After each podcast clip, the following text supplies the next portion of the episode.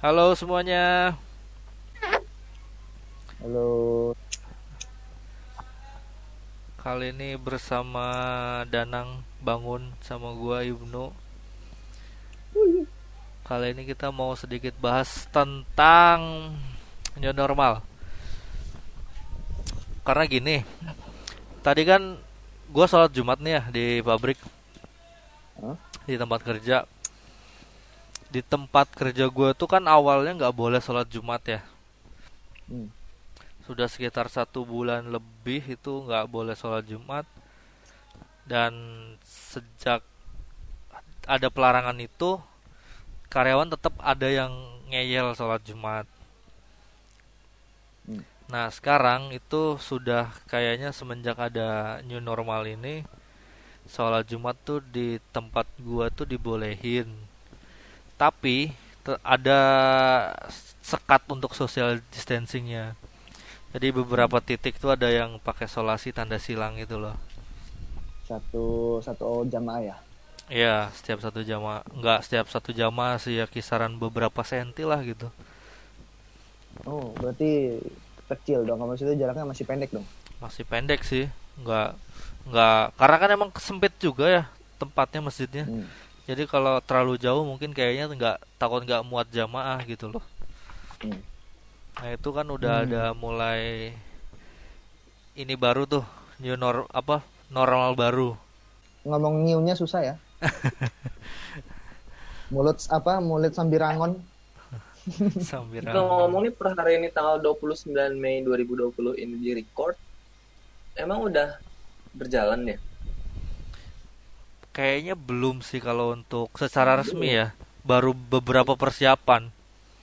Tapi emang pabrik gua tuh ya namanya perusahaan ya, kayaknya bukan tempat gua doang sih. Pas gua tanya di tempat Bani pun ya kakak gua. Itu katanya di tempat kerjanya udah nggak ada sholat Jumat juga sama. Jadi peraturan-peraturan tuh emang udah ditaati walaupun kita belum zona merah ya.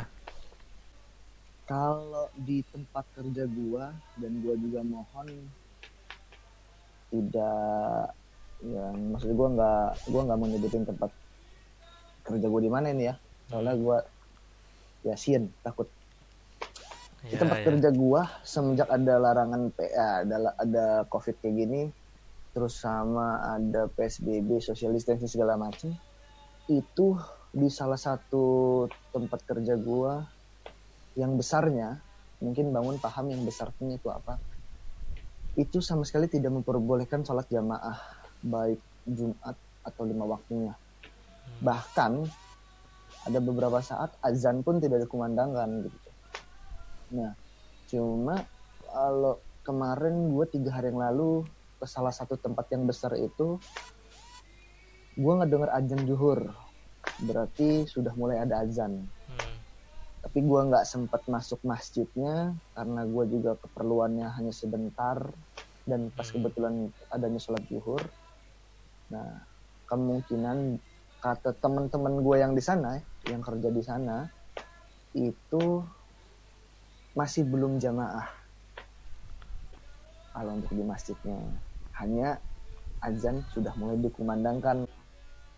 Harusnya walaupun gak ada jamaah, azan mah masih boleh aja kan ya. Betul, harusnya harusnya seperti itu. Buyutikum itu loh ya, sholat di rumah kalian itu ya. Mm-mm. Di masing-masing tempat tinggal lah gitu kan. Mm. Nah, sekarang tempat kerja gua nih. Hmm. Kalau tempat kerja gua itu sholat Jumat masih belum boleh. Tapi yang gue denger-denger beberapa karyawan yang udah maksudnya bukan nggak patuh, mungkin punya pendirian sendiri itu tetap sholat Jumat tapi di sekitar kantor gitu. Dia nyari-nyari masjid sekitar kantor di kampung di daerah warga untuk sholat Jumat. Hmm. Tapi emang pada dasarnya kantor gue ini nurut sama anjuran pemerintah. Hmm. Anjurannya sekarang kan belum dimulai nih Iya. si new normal ini nih. 1 Juni. Oh. Makanya sambil menunggu surat edaran dari presiden, kita masih ngikutin aturan yang PSBB itu. Gubernur Jakarta juga kan masih bilang, eh, bahkan bilang yang tanggal 5 Juni buka mall mall dibuka itu itu cuma mimpi gitu maksudnya masih belum berjalan gitu masih dikaji lah intinya mah belum pasti ya Hmm. Ya mungkin yang Kalau- belum pas tanggalnya sih sama regulasinya. Maksudnya iya, kalau menurut penting banget loh. Soalnya kalau misalkan ada new normal ini yang men- yang mengaitkan sama tempat umum gitu ya itu regulasi protokol kesehatannya memang harus dipakai wajib dipakai dan dituruti sih. Mhm. soalnya kalau menurut gua juga new normal ini kayaknya bukan wacana sih. Ibaratnya konsepnya sudah terbentuk gitu maksud gua. Tapi bener kata bangun tadi masih ada yang harus dikaji lagi dari segala macam aspek protokol segala macam itu harus masih dikaji lagi. Dan kalau gua konsep ini eh, belum ditandatangani oleh yang di atas atas gitu loh maksudnya. Ya tapi namanya berita ya ibaratnya mau ada wacana apa pun sudah tersebar luas kan gitu kan Hmm. Indonesia apa pun beritanya walaupun itu belum pasti sudah tersebar gitu kan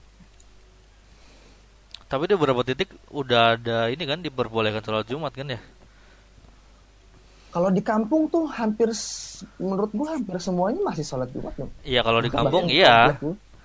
di komplek gua pun Kampung gue juga sama masih sholat Jumat. Bahkan kampung di samping pabrik gue pun masih sholat Jumat. Nah kemarin tuh yang di daerah Bekasi yang tadinya awalnya nggak boleh sholat Jumat itu yang sekarang udah diperbolehkan sholat Jumat kalau nggak salah. kalau menurut gua yang tidak diperbolehkan sholat jumat itu hanya pabrik hanya pabrik hanya kantor hanya instansi yang kalau menurut gua kan itu punya bos ya. Masing-masing tempat kerja tuh punya bos ya. Jadi ya kita sebagai pekerja atau karyawan di situ ya walaupun kita pendiriannya kuat, agamanya kuat, ya tetap harus patuh kan gitu kan. Iya. Toh kitanya kerja di situ gitu kan. Berarti ya kalau lo mau sholat Jumat ya lo harus keluar gitu. Menurut gua hanya di tempat-tempat seperti itu aja sih sholat Jumat itu nggak ada dan sholat Jumat di tempat yang lain masih ada.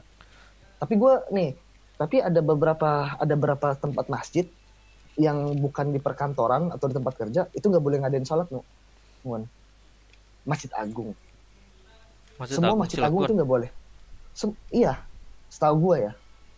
Masa sih? setahu gua setahu gua masjid-masjid besar itu tidak melaksanakan sholat. Kenapa? Kenapa yang belanja nggak dilarang gitu kan? Menurut gua sih kayak misalnya kayak ada contoh dari MUI kota Se eh kota Serang. Iya kota Serang gue pernah baca artikelnya. Eh, beritanya lah gitu kan. Nah itu tuh kayak protes. Protes kenapa pasar Pocis pasar Jedogan tuh yang di Pocis ya itu ramai tidak ditutup segala macem. Tapi kenapa sholat id masih belum dibolehkan mengadakan sholat id gitu? Nah mungkin setahu gue juga di Serang itu di Masjid Agung Serang mengadakan sholat. Karena gini loh, kalau kata gue ya, pertimbangannya itu ekonomi sih. Jadi ekonomi itu kayaknya harus tetap jalan. Karena banyak orang juga yang nggak bisa makan. Kan harusnya orang yang nggak yang nggak berkemampuan ya, yang nggak bisa Hmm. makan itu kan harusnya ditanggung pemerintah gitu ya. Betul. Dan sebenarnya dari dari ini juga yang sebenarnya kena dampak paling besar tuh justru orang-orang yang di atas gitu loh. Bukan orang-orang rendah, ya, maksudnya menengah ke bawah yang nggak punya duit gitu. bahasa lo bahasa lo rendah anjir merendahkan gue slamming lo lah nggak Ya. sopan ya bahasa lo Iya maksud gue ya itu menengah ke bawah. Hmm. Kalau menengah ke bawah kan emang udah susah ya. Sekarang susah juga ya udah biasa gitu kan.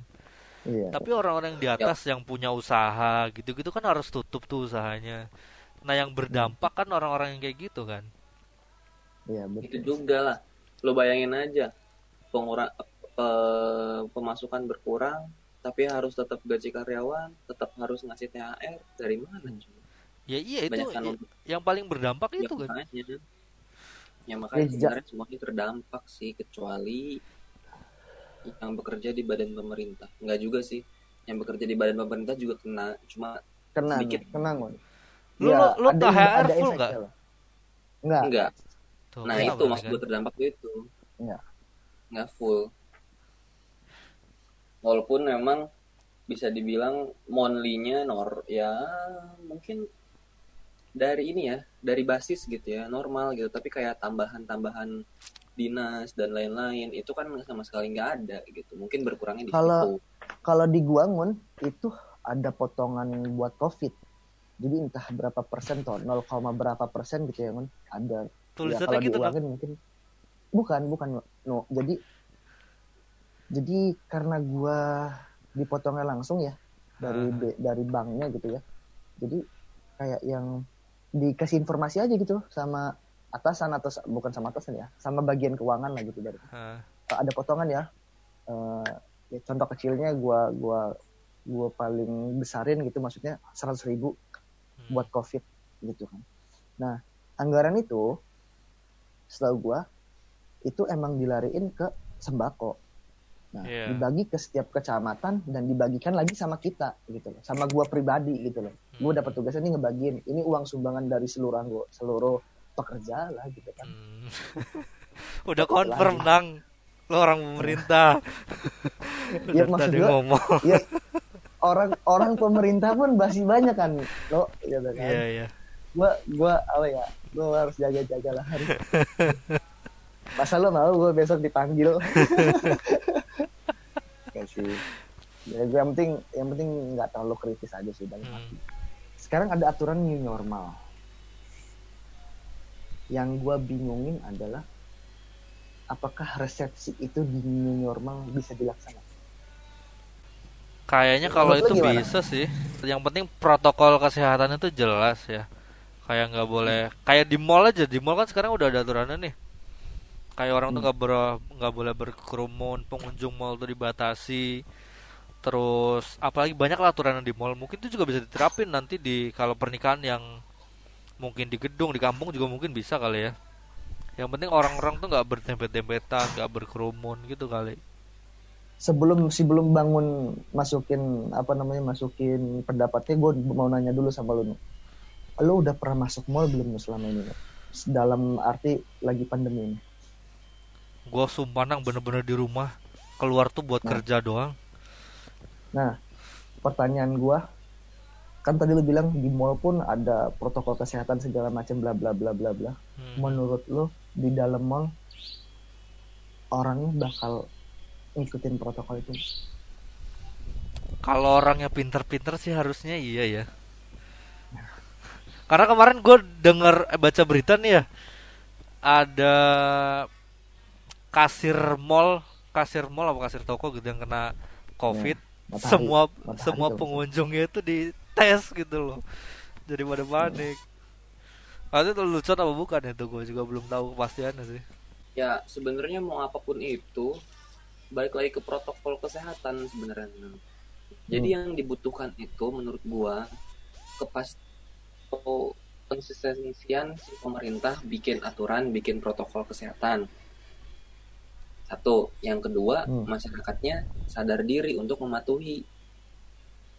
Sebenarnya itu dua hal yang gimana ya? Nggak bisa di antara peran pemerintah sama peran masyarakat gitu. Pemerintahnya yang ngasih peraturan yang ngasih regulasi lah gitu kan ke pengajian begini kalau misalkan ke pernikahan begini kalau misalkan ke mall begini. Nah kita yang mengadakan tin yang menghadiri menuruti juga gitu. Basicnya itu sih nang mau acara apa pun itu. Hmm. tapi ya gua sih optimis masih bisa gitu loh. Masih menurut gue ya. ya lo menurut lo masih bisa dalam waktu berapa ke depan Wah itu gue nggak bisa jawab dong. ya maksud gue gini Mon.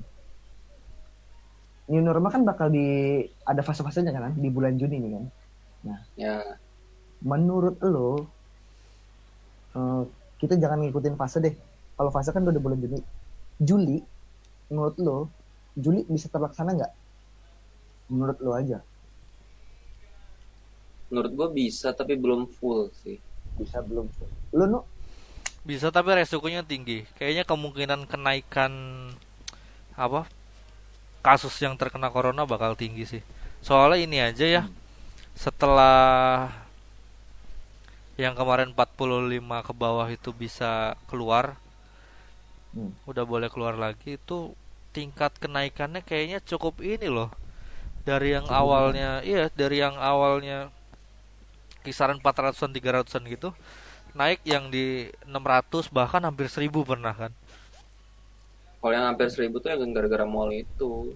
iya sih tapi at least gara-gara itu kan jadi makanya gara-gara pokoknya gara-gara ruang publik tuh kembali dibuka gitu kan itu kenaikannya Nah. bakal tinggi nah ini Ini yang bakal ini yang bakal gue bahas nih ya. kemungkinan corona apa kalau new normal nih ada nanti mungkin bisa ada second wave kenaikannya istri kedua.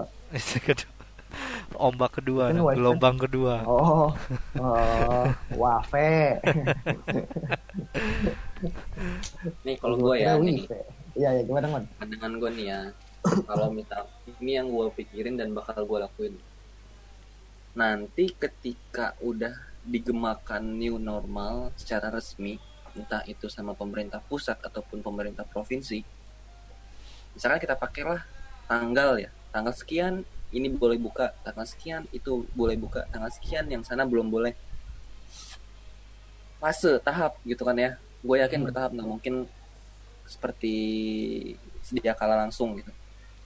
Nah yang pengen gue lakuin nih, gue nggak akan langsung cabut sana sini. Gue bakalan tetap ke kondisi pandemi seperti biasa. Gue tunggu kurang lebih satu bulan. Gue mau lihat gimana. Hmm. Pa- paling yang berubah itu eh, ini WFH gue. Gue pasti bakal lebih banyak WFO-nya. Soalnya atasan gue pernah bilang eh, WFH itu akan tetap diadakan, tapi jumlahnya paling sekitar 30% dari jumlah personil keseluruhan staff. Jadi 70% di rumah, eh kebalik 70% di kantor, 30% di rumah. Paling itu aja yang bakalan merubah hidup gua antara new normal sama sebelum new normal ini saat pandemi ini. Jadi kayak misalkan gue pulang ke Cilegon, gua nongkrong, gua ke mall, itu bakalan gua tunda dulu. Tetap gua tunda dulu sampai nanti gua lihat perkembangannya gimana ini. Sebulan lah kurang lebih dari pertama kalinya diresmikan atau tempat-tempat transportasi atau mall dibuka. Dengan harapan ya sebenarnya ya kasusnya menurun gitu. Cuma kalau misalkan dilihat dari belanja lebaran beli di mall aja naikin nih kasusnya hampir seribu nggak sih nggak mungkin turun sih ya namanya harapan ya emang kalau misalkan kita new normal ini nggak akan naik. Apa gue mikirnya gitu sih sebenarnya. Gue gue serba salah ya kalau misalkan kita membiasakan diri dengan pandemi ini dengan menjalankan protokol kesehatan termasuk masker dan lain sebagainya. Udah dijalanin tapi masih aja melonjak kurvanya mau gimana lagi? Jadi kayak seleksi alam jadinya. Iya. Nggak kayak? Kayaknya kan yang mau diperbaiki itu sekarang ekonominya dulu kan ya? Kalau gue lihat sih iya.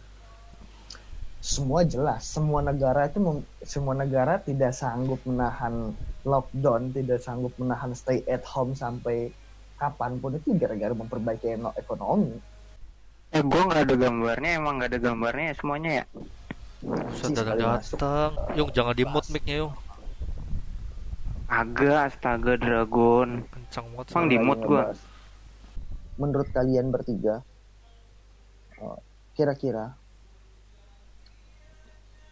jangan ngomongin masyarakat dulu deh menurut lu pribadi bertiga bisa nggak lu bertiga menjalani new normal gue sih bisa maksudnya gue bisa menjalani protokol yang ada Hmm. regulasi yang ada gue bisa jalanin. Gue yakin sama diri gue gue bisa. Hmm. tapi amit amit ini Maya amit amit. Kalau misalkan gue sampai kena gitu ya amit amit ini mah gue nggak tahu harus apa yang disebabkan gitu. Maksudnya apakah itu karena gue yang nggak menuruti protokol? protokolnya ataukah karena gue tertular bodoh. sama seseorang yang bodoh gitu. Gue nggak tahu ya. Namanya preventif pencegahan ya apalagi selain melakukan protokol kesehatan yang dianjurkan. Makanya gue jalanin sebisa mungkin gue lakuin semua. Berhubung gue orangnya yang taat pemerintahan banget nih ya ya jadi gue cuman ngikutin anjuran pemerintah aja. Pemerintah bikin WFH ya gue ikutin bikin normal apalagi gue makin seneng gitu loh. Imbasnya tinggal kita ngejauhin orang tua doang itu doang sih. Tapi gue dalam diri gue sendiri beranggapan gue nih positif gitu loh. Jadi ya gue harus jaga jaga diri gue dengan baik-baik biar nggak nularin orang. Anggap aja OTG doang lah ya. kalau yang anggapan gue sih iya itu juga. Gue sih gue positif gitu aja. Gue cuman gimana ya gue nggak orang banyak gitu loh. Ya walaupun kadang eh, banyak kan yang tahu-tahu nggak ada gejala gitu segala macam totok nah oh ya udah. Toh juga kalau imun bagus juga dia hilang sendiri kok sendiri. gitu loh. Nah ya Gua sambung. itu dia. gue nyambung dikit dari Iyung nih gue nyambung Coba dikit dari nih. Nyambung nyambung. Eh, ma- maklum no temannya Oki. Terus Ya ngon bangsat Masalah emang gak mau dipotong tadi nyelak. ya. masalah ketemu orang tua tadi ya. Gue rasa itu ada yang bisa ada yang enggak ya. Kalau misalkan nggak bisa menurut gua ketika kita pulang naik umum gitu kita sebelum ketemu bukan sebelum ketemu maksudnya sebelum berinteraksi Betul. sebelum ngobrol sebelum eh, salaman langsung mandi kita. Itu seminimal minimal kita itu yang langsung mandi gitu. Jadi cuci tangan pun jangan jangan cuci tangan doang maksud gua. Sampailah kita ke mandi baru kita interaksi. Jadi kita minta ke orang rumah juga jangan langsung menyambut kita. Tapi Iya sih. tunggu kita bebersih dulu baru lah ingat mandinya jangan di dalam rumah ya di rumah Mandi di mas- lah. Mandi di masjid coy. di luar? Nanti orang luar yang Di kena. dalam- eh enggak maksud gua gini loh. Kan kalau lu, orang luar jangkauannya luas ya ya. Kalau lu masuk ke rumah itu virus kan masuk rumah nih. Dah ngebahas virusnya. Lanjut no lu kira-kira. Diam yung lu jangan kayak Oki. Jangan motong lu. Gua kalau jalanin new normal sih kamu kamu kan bisa ya. Karena sekarang juga protokol kesehatan yang sekarang juga gua udah jalanin dengan baik. Masker gua pakai, kadang gua pakai masker medis yang sekali ganti. Masker kain juga beberapa banyak gua dikasih sama kantor. Terus juga bisa sih bisa ya. Tapi mau apa enggaknya itu ke depan kayaknya nggak mau terus-terusan gitu loh. Hmm. Pengennya balik ke normal bukan bukan normal baru. Karena kayaknya budayanya biru biru. Budayanya bakal berubah sih kalau kalau pribadi gua karena guanya kerja di suatu kafe milik pemerintah ya. kalau pri- ya kalau pri- pribadi gua yang Sama lu juga ketemu orang banyak. Gak usah motong aja. Nggak ada Oki ada Iyung pusing Suka Oke. nih gue yang ngegas-ngegas gini nih. Ayo. jadi kalau menurut gua gua pribadi itu sangat-sangat tidak ngaruh di hidup gua apa itu new normal atau itu new normal kalau gua ya hidup gua gitu karena posisi pekerjaan gue sebagai pelayan kafe pemilik milik pemerintah gitu kan yang melayani customer gitu menurut gua gua tetap Siap, komandan. nggak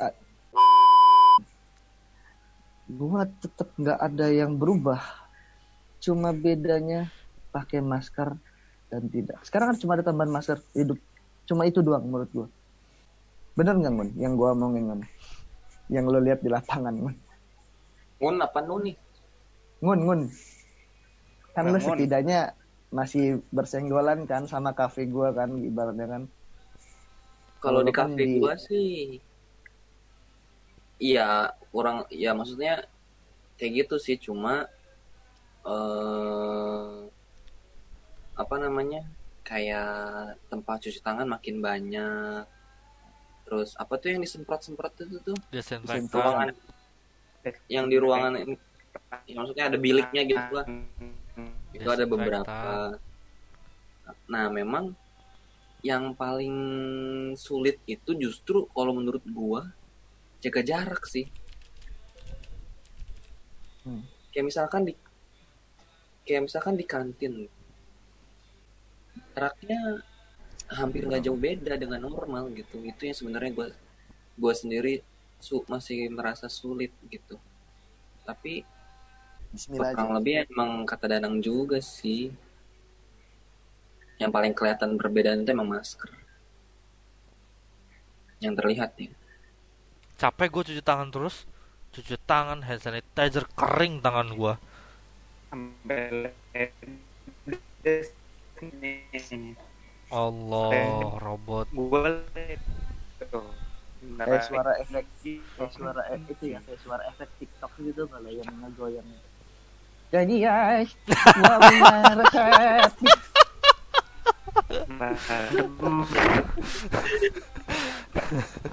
lu pakai Oh, ya. TikTok tuh ya nah dulu lo ya.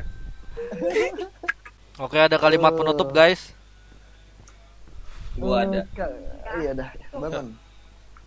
Buat yang denger ini walaupun kemungkinan besar yang mendengar sedikit gua titipkan pesan kepada kalian untuk mematuhi protokol kesehatan. Jangan yang sebodoh amat lah gitu. Maksudnya jangan yang bener-bener tidak peduli lah gitu. Mungkin yang bisa membedakan kita itu tingkat kepedulian antara tinggi dan rendah sih. Sampai tinggi sampai rendah sih. Tapi jangan sampai nggak peduli sama sekali lah gitu. Soalnya kalau lo udah kena yang bikin susah itu efeknya tuh bukan cuma ke lo doang gitu. Orang lain bisa ikutan susah gitu. Itu aja sih. Oke yung kalimat terakhir jaga diri kalian baik-baik ya nak.